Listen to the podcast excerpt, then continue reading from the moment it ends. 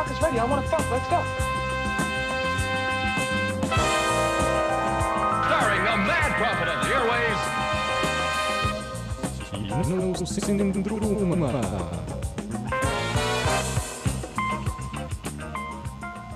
Joakim, Ja. har du skrevet nekrologen din ennå? Nei, men jeg hørte deg veldig inn med ha nekrologen sin klar før man er død. Ja, faktisk, så denne uka er det jo spesielt aktuelt i og med at uh, godeste Elizabeth Taylor endelig døde.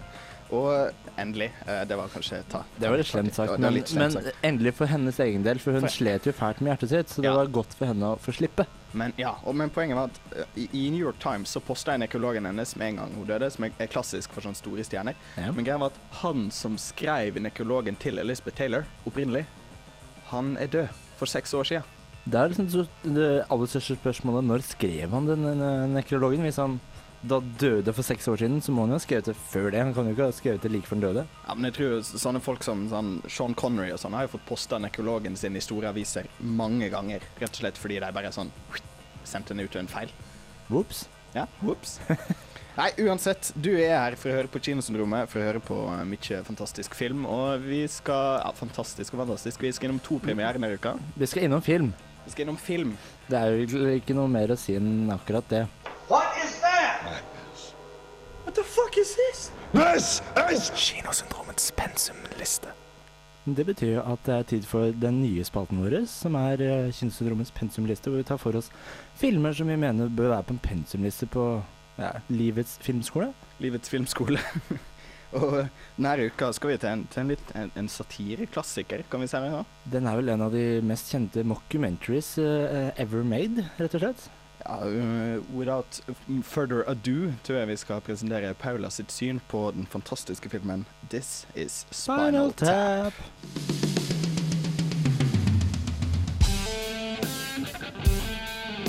Charlie Sheen er bare nok et eksempel på det. Ingenting er så populært som en stjerne i fritt fall. Skandaler og falmende karriere har alltid vært skjærkommen-bytte for verdens sladdermobb. Skuespillere, popstarlets og musikere som har utgått på dato, men nekter å innse det, er også noe av det flaueste en kan være vitne til. Det er en usjarmerende blanding av voyeurisme, nysgjerrighet og blottet skadefryd som ymse sladdemagasiner og TV-stasjoner tjener gode penger på. Så hvorfor ikke finne opp et fiktivt band og la det gjennomgå alle forfallsstadier foran kamera, og skape en av de beste satirene filmverden har å by på? Det er nettopp det Rob Reiner og gjengen gjorde i 1984. What do you say? Let's boogie.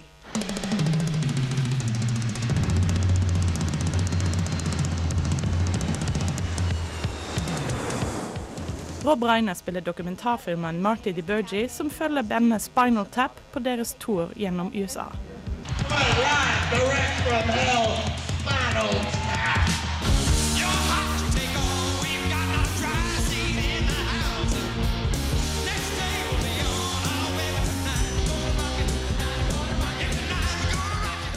Spinal Tap det er en gjeng britiske musikere i slutten av 30-årene som surfet på hippiebølgen og fylte arena så lenge det varte, for så å strande på den fordømte musikerens øy langt ute i glemselens hav. Let's talk about your reviews uh, a little bit. Tasteless cover is a good indication of the lack of musical invention within. They are treading water in a sea of retarded sexuality and bad Well, poetry. that's, that's nitpicking, isn't it? The Gospel According to Spinal Tap, this pretentious, ponderous collection of religious rock psalms is enough to prompt the question, what day did the Lord create Spinal Tap, and couldn't he have rested on that day too?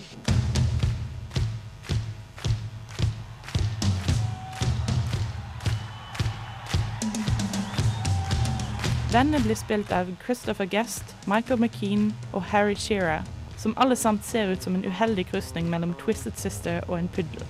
Med synkende salgs- og publikumstall i nøkken prøver seg Spinal Tap på heavy-sjangeren, men flopper så lenge platekontrakten varer. Men Ed S har nesten alle utdaterte store musikere i ermet. Comeback-esset. Det går som oftest dårlig. Skikkelig dårlig. I have a small piece of bad news. Although it may not For be a that change, bad. We're uh, we're cancelled here. At the hotel? No, we're cancelled. The, the gig is cancelled. Satire er mest bitende og underholdende når den beveger seg akkurat nede nok sannheten, men parafraserer den på groteske måter. Det som er så hysterisk morsomt med This Is Spinal Tap, er at bandet kunne godt eksistert i ekte livet. Let's talk about your music today. One thing that puzzles me is the makeup of your audience seems to be uh, predominantly young boys. There's also like a, re- a reaction to the female of the female to our music. What was They're, they're you- really, they're quite fearful. Yeah. That was my theory. They see us on stage with tight trousers. We've got, you know, armadillos in our trousers. I mean, it's really quite frightening, the size.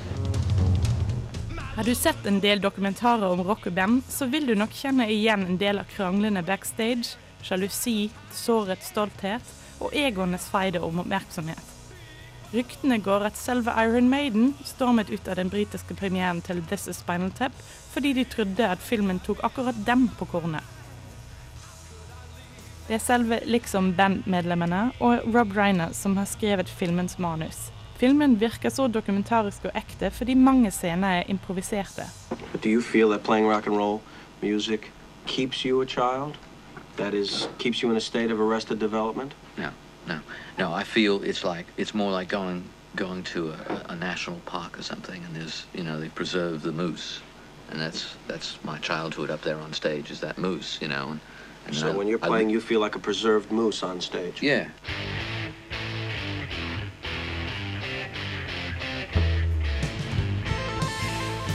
Regissøren Reiner har et fantastisk evne til å fortelle ting i bakgrunnen eller på randen av bildet.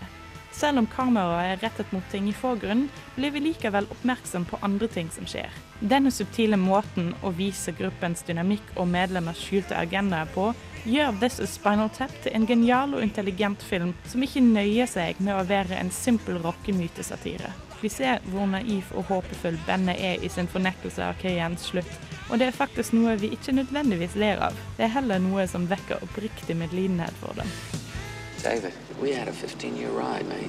I mean, who wants to be a fucking 45-year-old rock and roller farting around in front of people less than half is your so age, true, that is so true, yeah. cranking out some kind of mediocre head-banging bullshit, you know, Yeah. that we forgot. That we're ben- it's beneath us. I mean, me. we can take all those projects that we thought, you know, we didn't have oh, time Oh, for. there's dozens. There's so you know, we didn't have time for them because of Tap and, and bring them back What to life, maybe. Listen, What the flower people say.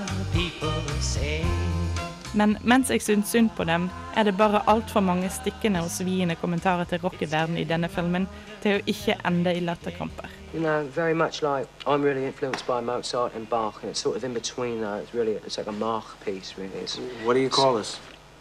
well, this piece is called uh, Lick My Love Pump. Historien om Spinal Tap holdt seg paradoksalt nok ikke innenfor filmens verden. Spinal Tap er en av de få fiktive band som faktisk har gitt ut plater, spilt konserter og vært on tour. Rob Reiner, som begynte sin regissørkarriere med This Is Spinal Tap, har senere blitt kjent med filmer som The Princess Bride og When Harry Met Sally. This Is Spinal Tap har fått kultstatus både blant musikere og filmelskere. Den byr på sitatmateriale som vil brennes uutslettelig i langtidshukommelsen din. 11, Oh, I see. 11, and most of 11, the and then- amps go up to 10. Exactly. Does that mean it's louder? Is it any louder? Well, it's one louder, isn't it? It's not 10. You see, you're on 10 here, all the way up, all the way up. You're on 10 on your guitar. Where can you go from there? Where? I don't know. Nowhere, exactly. What we do is if we need that extra push over the cliff, you know what we do? Put it up to 11. 11, exactly. One louder. Why don't you just make 10 louder and make 10 be the top number and make that a little louder?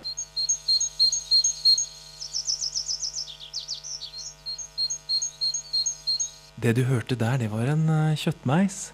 Og det du hører på nå, det, er- det er kinosyndromet.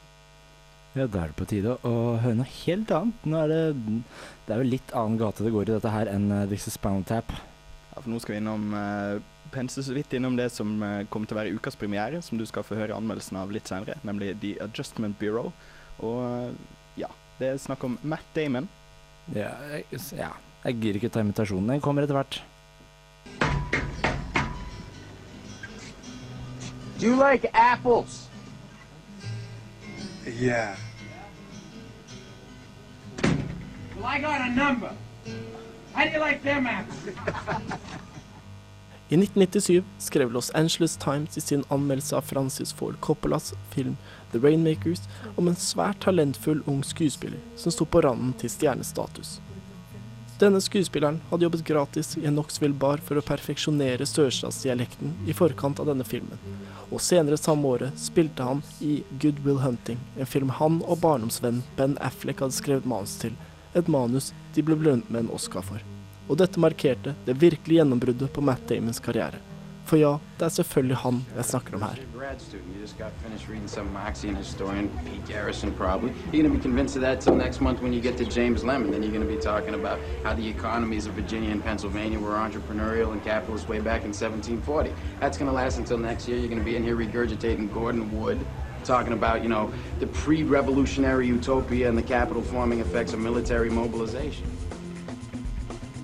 Etter pangskuddet som signaliserte Matt Damons filmkarriere i 1997, spilte han i flere store kommersielle Hollywood-suksesser, deriblant Steven Spielbergs krigsdrama 'Saving Private Ryan' og den stjernespekkede ransfilmen 'Oceans Eleven', i tillegg til å spille i mindre filmer som Kevin Smiths 'Dogma'.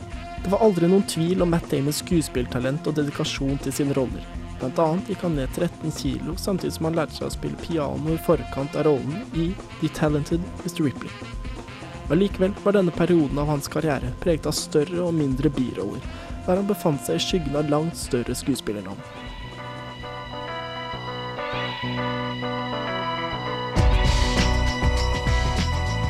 Men med rollen som den amnesirammede agenten Jason Bourne skulle Matt Damon virkelig befeste seg som en av Hollywoods aller største stjerner. Fra den første filmen i denne trilogien hadde premiere i 2002, hadde Damons karriere kun gått én vei oppover. Han hadde f.eks. en av hovedrollene i Martin Scorseses gangsterdrama The Departed, og han har spilt mot noen av de mest talentfulle og største skuespillerne den amerikanske filmindustrien har å by på. Og nå er han igjen høyaktuell med thrilleren The Adjustment Bureau, som ser ut til å bli nok en kassasuksess. Apologies to Matt Damon, we ran out of time. Matt Damon, apologies, we ran out of time. Matt Damon, apologies, we ran out of time. Apologies to Matt Damon, we ran out of time. Apologies to Matt Damon, uh, we ran out of time. Matt Damon, I'm sorry we ran out of time. We'll try to work in later in the week. Apologies to Matt Damon, ran out of time. Apologies to Matt Damon. He had a baby today, so it really was the wrong thing to do to bump him, but we had to. Matt Damon har i lang tid blitt sett som en av Hollywoods mest jordnære skuespillere, og han har startet en rekke veldedighetsprogrammer. Det har derfor vært ekstremt lite kontroverser rundt ham, og kanskje var derfor talkshow-verten Jimmy Kimmel begynte med å avslutte hvert av sine programmer med å beklage at det dessverre ikke var nok tid igjen for Matt Damon. Og dette utviklet seg videre, og den ene practical joken fulgte den andre. For da Jimmy Kimmels daværende kjæreste, komikeren Sarah Silverman, var gjest i showet hans, hadde hun med seg en liten overraskelse. I'm Matt Damon. She's Matt Damon.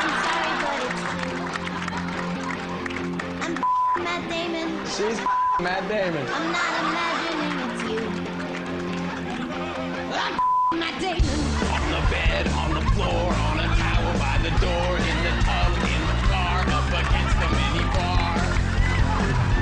I'm Matt Damon.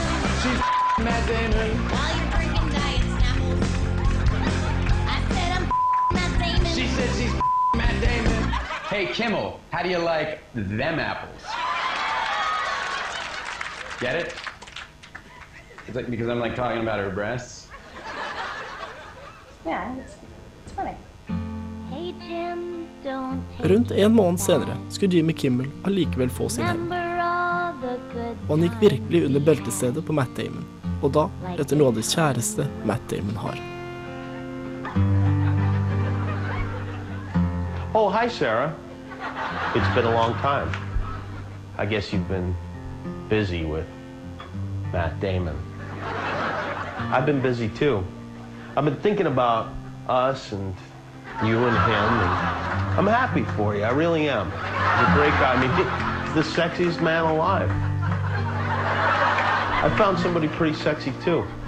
I don't know if you've heard, but Ben Affleck! This call you a motherfucking I said I'm Ben Affleck! He said he's Ben Affleck. Hey, Sarah, he's got bigger tits.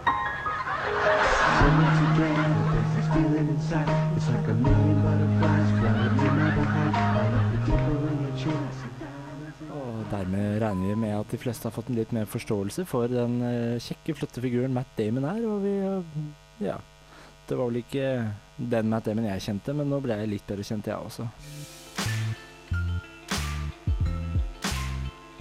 Hei, dette er direktør ved Bergen kino, Elisabeth Halvorsen. Du hører på byens beste filmprogram, Kinosyndromet.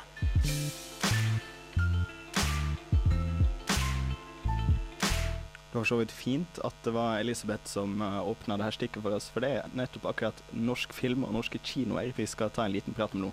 Ja, det blir rett og slett den eh, no, helsetilstanden som norsk film er inne i i år 2011. For det, det har ikke vært så veldig mye positivt å komme med hittil. Nei, det er vel kanskje egentlig bare Jørgen pluss Anne er sant. Anne pluss Jørgen er sant. Jørgen Eh, pluss Anne er lik sant. Jørgen pluss Anne, liksom, som har klart seg både sånn eh, Både faktisk tjent inn litt penger og vært eh, godt mottatt. Og altså Tomme tønner kan si mye rart om, men jeg er ikke så glad i den i hvert fall. Jeg har ikke sett noen av de, men jeg har fått med meg at Tomme tønner 2 ikke har klart å skape det samme mediehysteriet som eneren klarte. For den dro jo folk i hopetall til kinoen. Men toeren har ikke klart det hittil. Nei, og når du òg ser på filmer som Pax, som er store norske filmer, i hvert fall pengesett, som har fått fryktelig dårlig mottakelse og lite kinobesøk, og ikke minst 'Mennesker i solen', som eh, nå går ut av eh, Bergen kino denne uka allerede. Hvor lenge har den gått? En uke? To? Nei, den har vel gått tre, Tre? kanskje? Tre uker? Pax har gått til to, er vel på vei ut den nå, tenker jeg. For den har jo bare fått slakt overalt i alle aviser omtrent. Inkludert Kinosyndromet har gitt den totalslakt. Så det er jo ikke så veldig mye Altså, det humoristiske ligger jo i at eh, 2011 skal være det året hvor det er flest norske premierer på mange, mange, mange år. Og så har vi allerede snart runda av første kvartal, og ennå ikke noen som har innfridd noe særlig. Altså det, det er jo som om de skulle tatt 40 unger og putta i et badebasseng, et sånt lite sånn hagebadebasseng, og så håpt på at de skulle hatt det gøy. Men det som skjer nå, er jo at det er ingen som Det, det er ikke nok vann. Det er ikke nok vann. Uh, nei, de får ikke nok luft under vingene heller. Ah, Oh, en Når vi snakker om Pax. Uh, ja. Men uh, framover i tida, er det noe som er interessant nok til å, til å faktisk se på? Altså, Bergenserne pøser jo på med disse Varg VM-filmene sine, så det kommer jo enda en Varg VM-film i neste måned. Eh, og så kom det Hva var det leste i stad? Det kom en, ah, det kom en til i neste måned. Hjelp, vi er russ. Hjelp, vi er russ kommer, kommer neste måned. Den, det bomma kanskje litt. Det burde kanskje den eh, blitt gitt ut sånn i midten av mai, kanskje. Det er jo tross alt russetid. Ja, men De er jo i gang allerede, de, og det er nok ikke lenge før de er ute i de røde og blå buksene sine. Der. Men er ikke det Kid Buljo-folkene som har vært med på et eller annet her? For det er jo sånn rølpefilm fra ende til annen. Det virker som Det er også en ny greie, sånn som med Tomme tønner og Kid Buljo-menneskene, så er det en slags trend om å lage en slags National Lampoon, en eh, versjon Norge, men vi er ikke i USA, altså. Vi får ikke til de tingene der. Det er, akkurat som norske filmer klarer ikke å lage romantiske komedier. Vi klarer heller ikke å lage screwball-komedier. Tydeligvis så klarer vi ikke å lage flettverksfilmer heller. Og når vi, vi får jo en av ukas premierer etterpå, som er 'Amors baller', som er en norsk film med et eh, romantisk eh, tenåringsdrama fra, fra, fra godeste Norway Cup. Og når vi ikke klarer å gjøre noe ordentlig ut av Norway Cup engang, som Nei. Ole kanskje kommer til å komme innom på om, Kanskje. fem minutter, eh, Men- så, så, så da det, blir det et eller annet feil. Jeg er litt spent på å høre uh, Ole sin anmeldelse av Amors balle etterpå. For jeg har jo sett i en større kontekst, så har jo norsk film aldri noensinne produsert en god ungdomsfilm. Uh, Unntak av Keeperen til Liverpool, som visstnok var litt god, men som ikke er i nærheten av svenskenes fucking omhold eller danskenes uh, Supervoksen, for eksempel. For eksempel. Men eh, nå, hvis vi skal tilbake til Pax, hva er det Vi har et, et fint sitat fra, fra en Pax-medarbeider. Vi har det her. Dette er da produsenten, eh, Stein B. Kvae, som eh, har fortalt til Dagens Næringsliv at det blir ikke noen bonus på oss i år. Nei, det blir nok ikke det. Neppe. Ja, da tar vi to desiliter skrekk, en halvliter action, to spiseskjeer romantikk og en liten dash humor.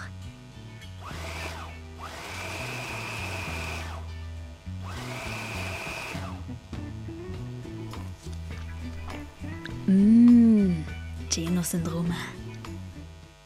Som vi er inne på, eh, på forrige, før Bob Dylan eh, slo til, så Apropos norsk film? Apropos norsk film, rett og slett, så har vi nå kommet til, eh, til, eh, til tenåringskjærlighetsromantiske dramaet Amors baller. Amors baller. Klissete ungdomsfilm fra Norge.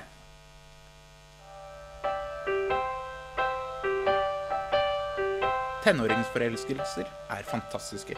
De er usikre, vakre, vonde, høyt og lavt. De forandrer verdener, og er den første ordentlige steget ut i voksenlivet. Film har klart å vise dette veldig bra mange ganger før, slik som i mesterverket En kjærlighetshistorie eller den morsomme Adventureland, som er litt nyere. Men for å kunne vise denne fantastiske følelsen, må man ta den seriøst. Man må ta personene seriøst, og man må være finstemt.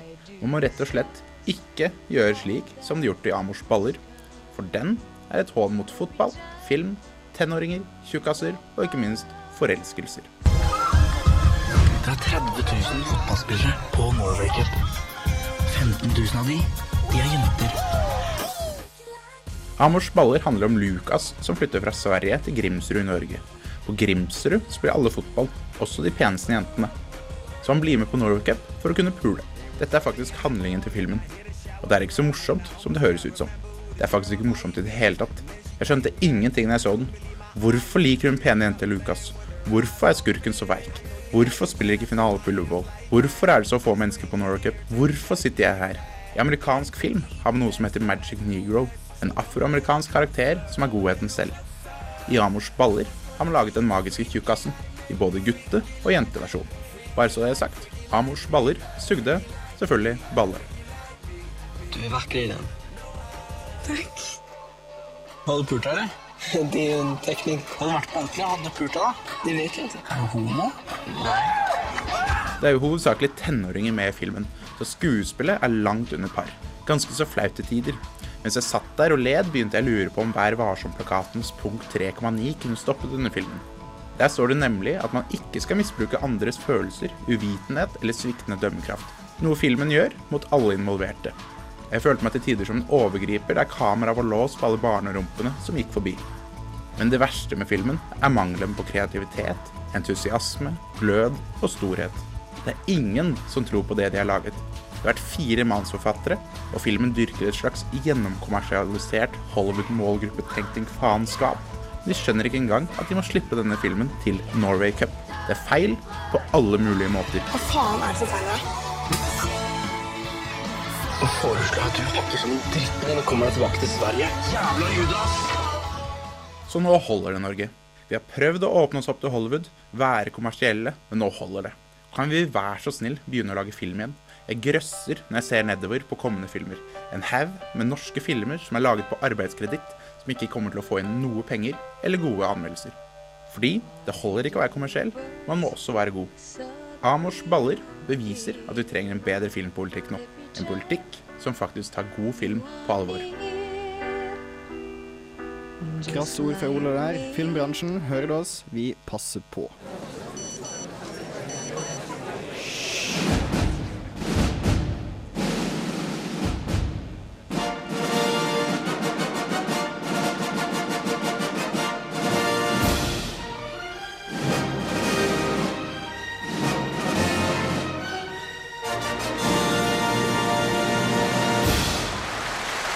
Ukas premiere.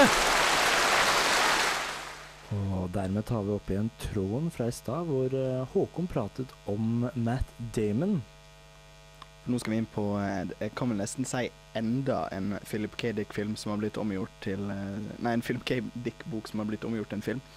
Det her er vel noe sånt som den åttende, i, og den er jo i godt selskap med bl.a. Blade Runner, Scanner Darkly, hvis den likte den, Minority Report. Men jeg liker tittelen på den filmen her. Adjustment Bureau. The Adjustment Bureau, som eh, Håkon Nei, Odd har vært og tatt en chip. Odd.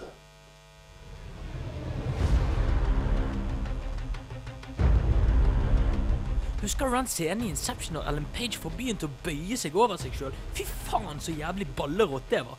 Du husker kanskje den dystre, mørke og mystiske noir-følelsen som Dark City ga deg? Var ikke det bare helt episk? Odd, se The Adjustment Bureau i dag? Jo. Å, faen. OK. The Adjustment Bureau er for George Nolfi hans debut i regissørstolen etter å ha skrevet en serie med hiter som Oceans 12 eller The Sentinel. I The Adjustment Bureau følger vi politikeren David Norris og hans valgkamp for å bli senator av New York. Uheldigvis så taper Norris valgkampen, men treffer til gjengjeld på Elise, som hjelper ham med hans tale. De faller pladask for hverandre. Men mørke krefter er uenig i deres kjærlighet, og The Adjustment Bureau gjør alt de kan for at Norris og Elise ikke skal få utlevd sin kjærlighet. This is your plan, and we're determined to keep it that way. You bumped into a woman this morning on the bus. Were you just staring at my legs? I was defenseless against the dress. what does that have to do with anything? Your path through the world is supposed to have been adjusted. You weren't ever supposed to see her again. Kunne dette ha blitt mer klisjé? I think not. Som i utallige filmer før den presenterer The Adjustment Bureau en historie hvor kjærlighet kan overvinne all motgang. Det som skal gjøre denne historien unik, er tittelskurken, The Adjustment Bureau. Dette er en gruppe med skyggemenn som har nedskrevet alles skjebne, og skal forsikre seg om at alt går etter planen. Så hvorfor er de så negative til Norris og Elise sitt forhold? Jo, fordi at det ikke er en del av planen deres. Eller rettere sagt, det er rester av tidligere skrinlagte planer. We are the people who make sure things happen according to plan. We entire world. Her begynner ting å skurre litt, gjør det ikke? Skyggemenn er en gjeng med velkledde menn som ter seg som slemmingene fra Dark City eller agentene fra The Matrix. De er en gjeng med uante krefter. Dette er vel og bra, helt til Norris bryter planen og blir fortalt av disse folkene hva de driver med. Det viser seg at det er et byråkratihelvete uten like, hvor man må søke for å få gjort enkelte ting. Og blir en sak for vanskelig til å håndtere, sender man bare problemet oppover i hierarkiet. Hva i all verden skal jeg frykte med en gjeng med udugelige byråkrater som kan gjøre dørtrikset som nøkkelmakeren fra Matrix Reloaded gjorde? Det er ingenting som er skummelt eller mystisk med disse skyggemennene. De fremstår bare som noen FBI-agenter, og hvem har vel noen gang fryktet FBI-agenter?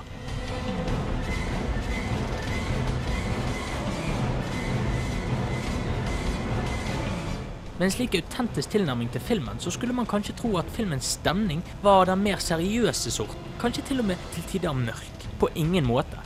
Filmen vakler mellom sitt lystige romantiske drama, dets humoristiske elementer som går hånd i hånd med romantikken, og den thrillerske spenningen som dessverre er fraværende. Den prøver å gjøre så mye at den ikke klarer å gjøre noen av de spesielt bra. Action er underholdende når det først skjer noe, men ellers er filmen kjedelig og uinteressant. Can't outrun your fate, David. You've just seen behind a curtain that you weren't even supposed to know existed. Det eneste lyspunktet er kjemien mellom Matt Damon og Emily Blunt. Når de er sammen, så er det nesten sånn at man ser gnistene mellom dem, og man blir nesten engasjert i dramaet. Deres kjærlighet er sjarmerende søt. Dessverre for filmen så er det ikke så mye med før ting braker løs. Man blir da sittende igjen med Matt Damon og hans sjeleløse skuespill. Han spiller ikke dårlig, han er bare Matt Damon. Emily Blunt blir derfor mye trengt krydder i filmen, siden de som spiller slemminger, er en kavalkade av uinspirerte skurker uten et eneste interessant element ved dem. Are the choices I make, and I choose her. The Adjustment Bureau er en film som prøver på mange ting, men klarer ingen av de spesielt godt. Den har ikke nok spenning til at det blir en god thriller- eller actionfilm, og den har heller ikke nok kjærlighet til at det blir et tilstrekkelig kjærlighetsdrama. Alt er fryktelig klisjé og uinspirert. Ja, så lenge du ser bort fra de enorme inspirasjonskildene Wink Wink Dark City Final Destination og Inception. Odd var er skeptisk i dag òg, og denne gangen var det The Adjustment Bureau han var skeptisk til. Matt Damon. Matt Damon.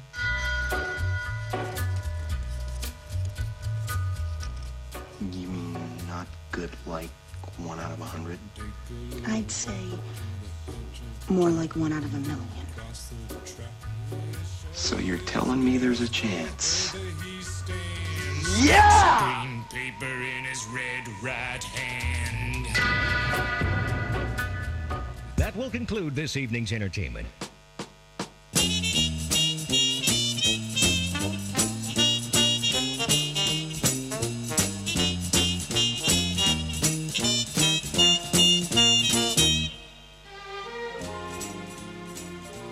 Det betyr vel rett og slett at det er uh, morna, morna, morna, morna, morna på oss.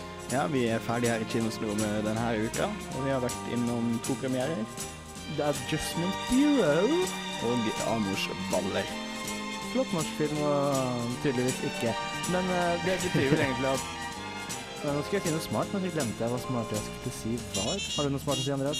Ja, Vi har òg sett litt bakover i tid til en av de smartere filmene i, i ut fra skulle til å si britisk, men det er vel egentlig amerikansk film, nemlig This Is Spinal Tap.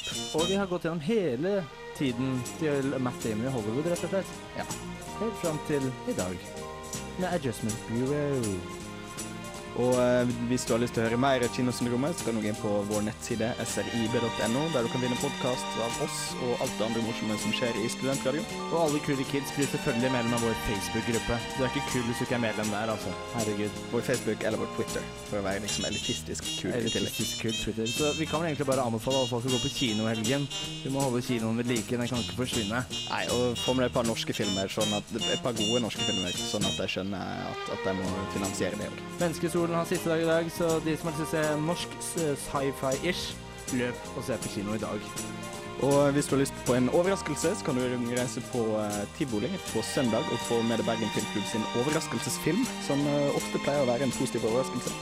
Ja, så hadde det ikke vært en særlig god overraskelse, hadde det vært? Nei, ikke egentlig. Her i studio har du hatt meg, Andreas Statsel Opsvik. Og meg, Joakim M. Tangen. Vi har òg hatt med oss Håkon, Paula Odd. og Odd. Odd. Ikke glem Odd! Til å hjelpe oss i dag. Og eh, ikke minst vår vakre, vakre veneprodusent Johan Dalen. Johan Dalen. Følg med like etter for å høre på eh, det sportsprogrammet hvis du er en sånn person. Eh, fotball på boks. Eller Plutopop som kommer like etter. Ja. Ja, kos, kos. Ha det bra. Kos, kos, kos, kos.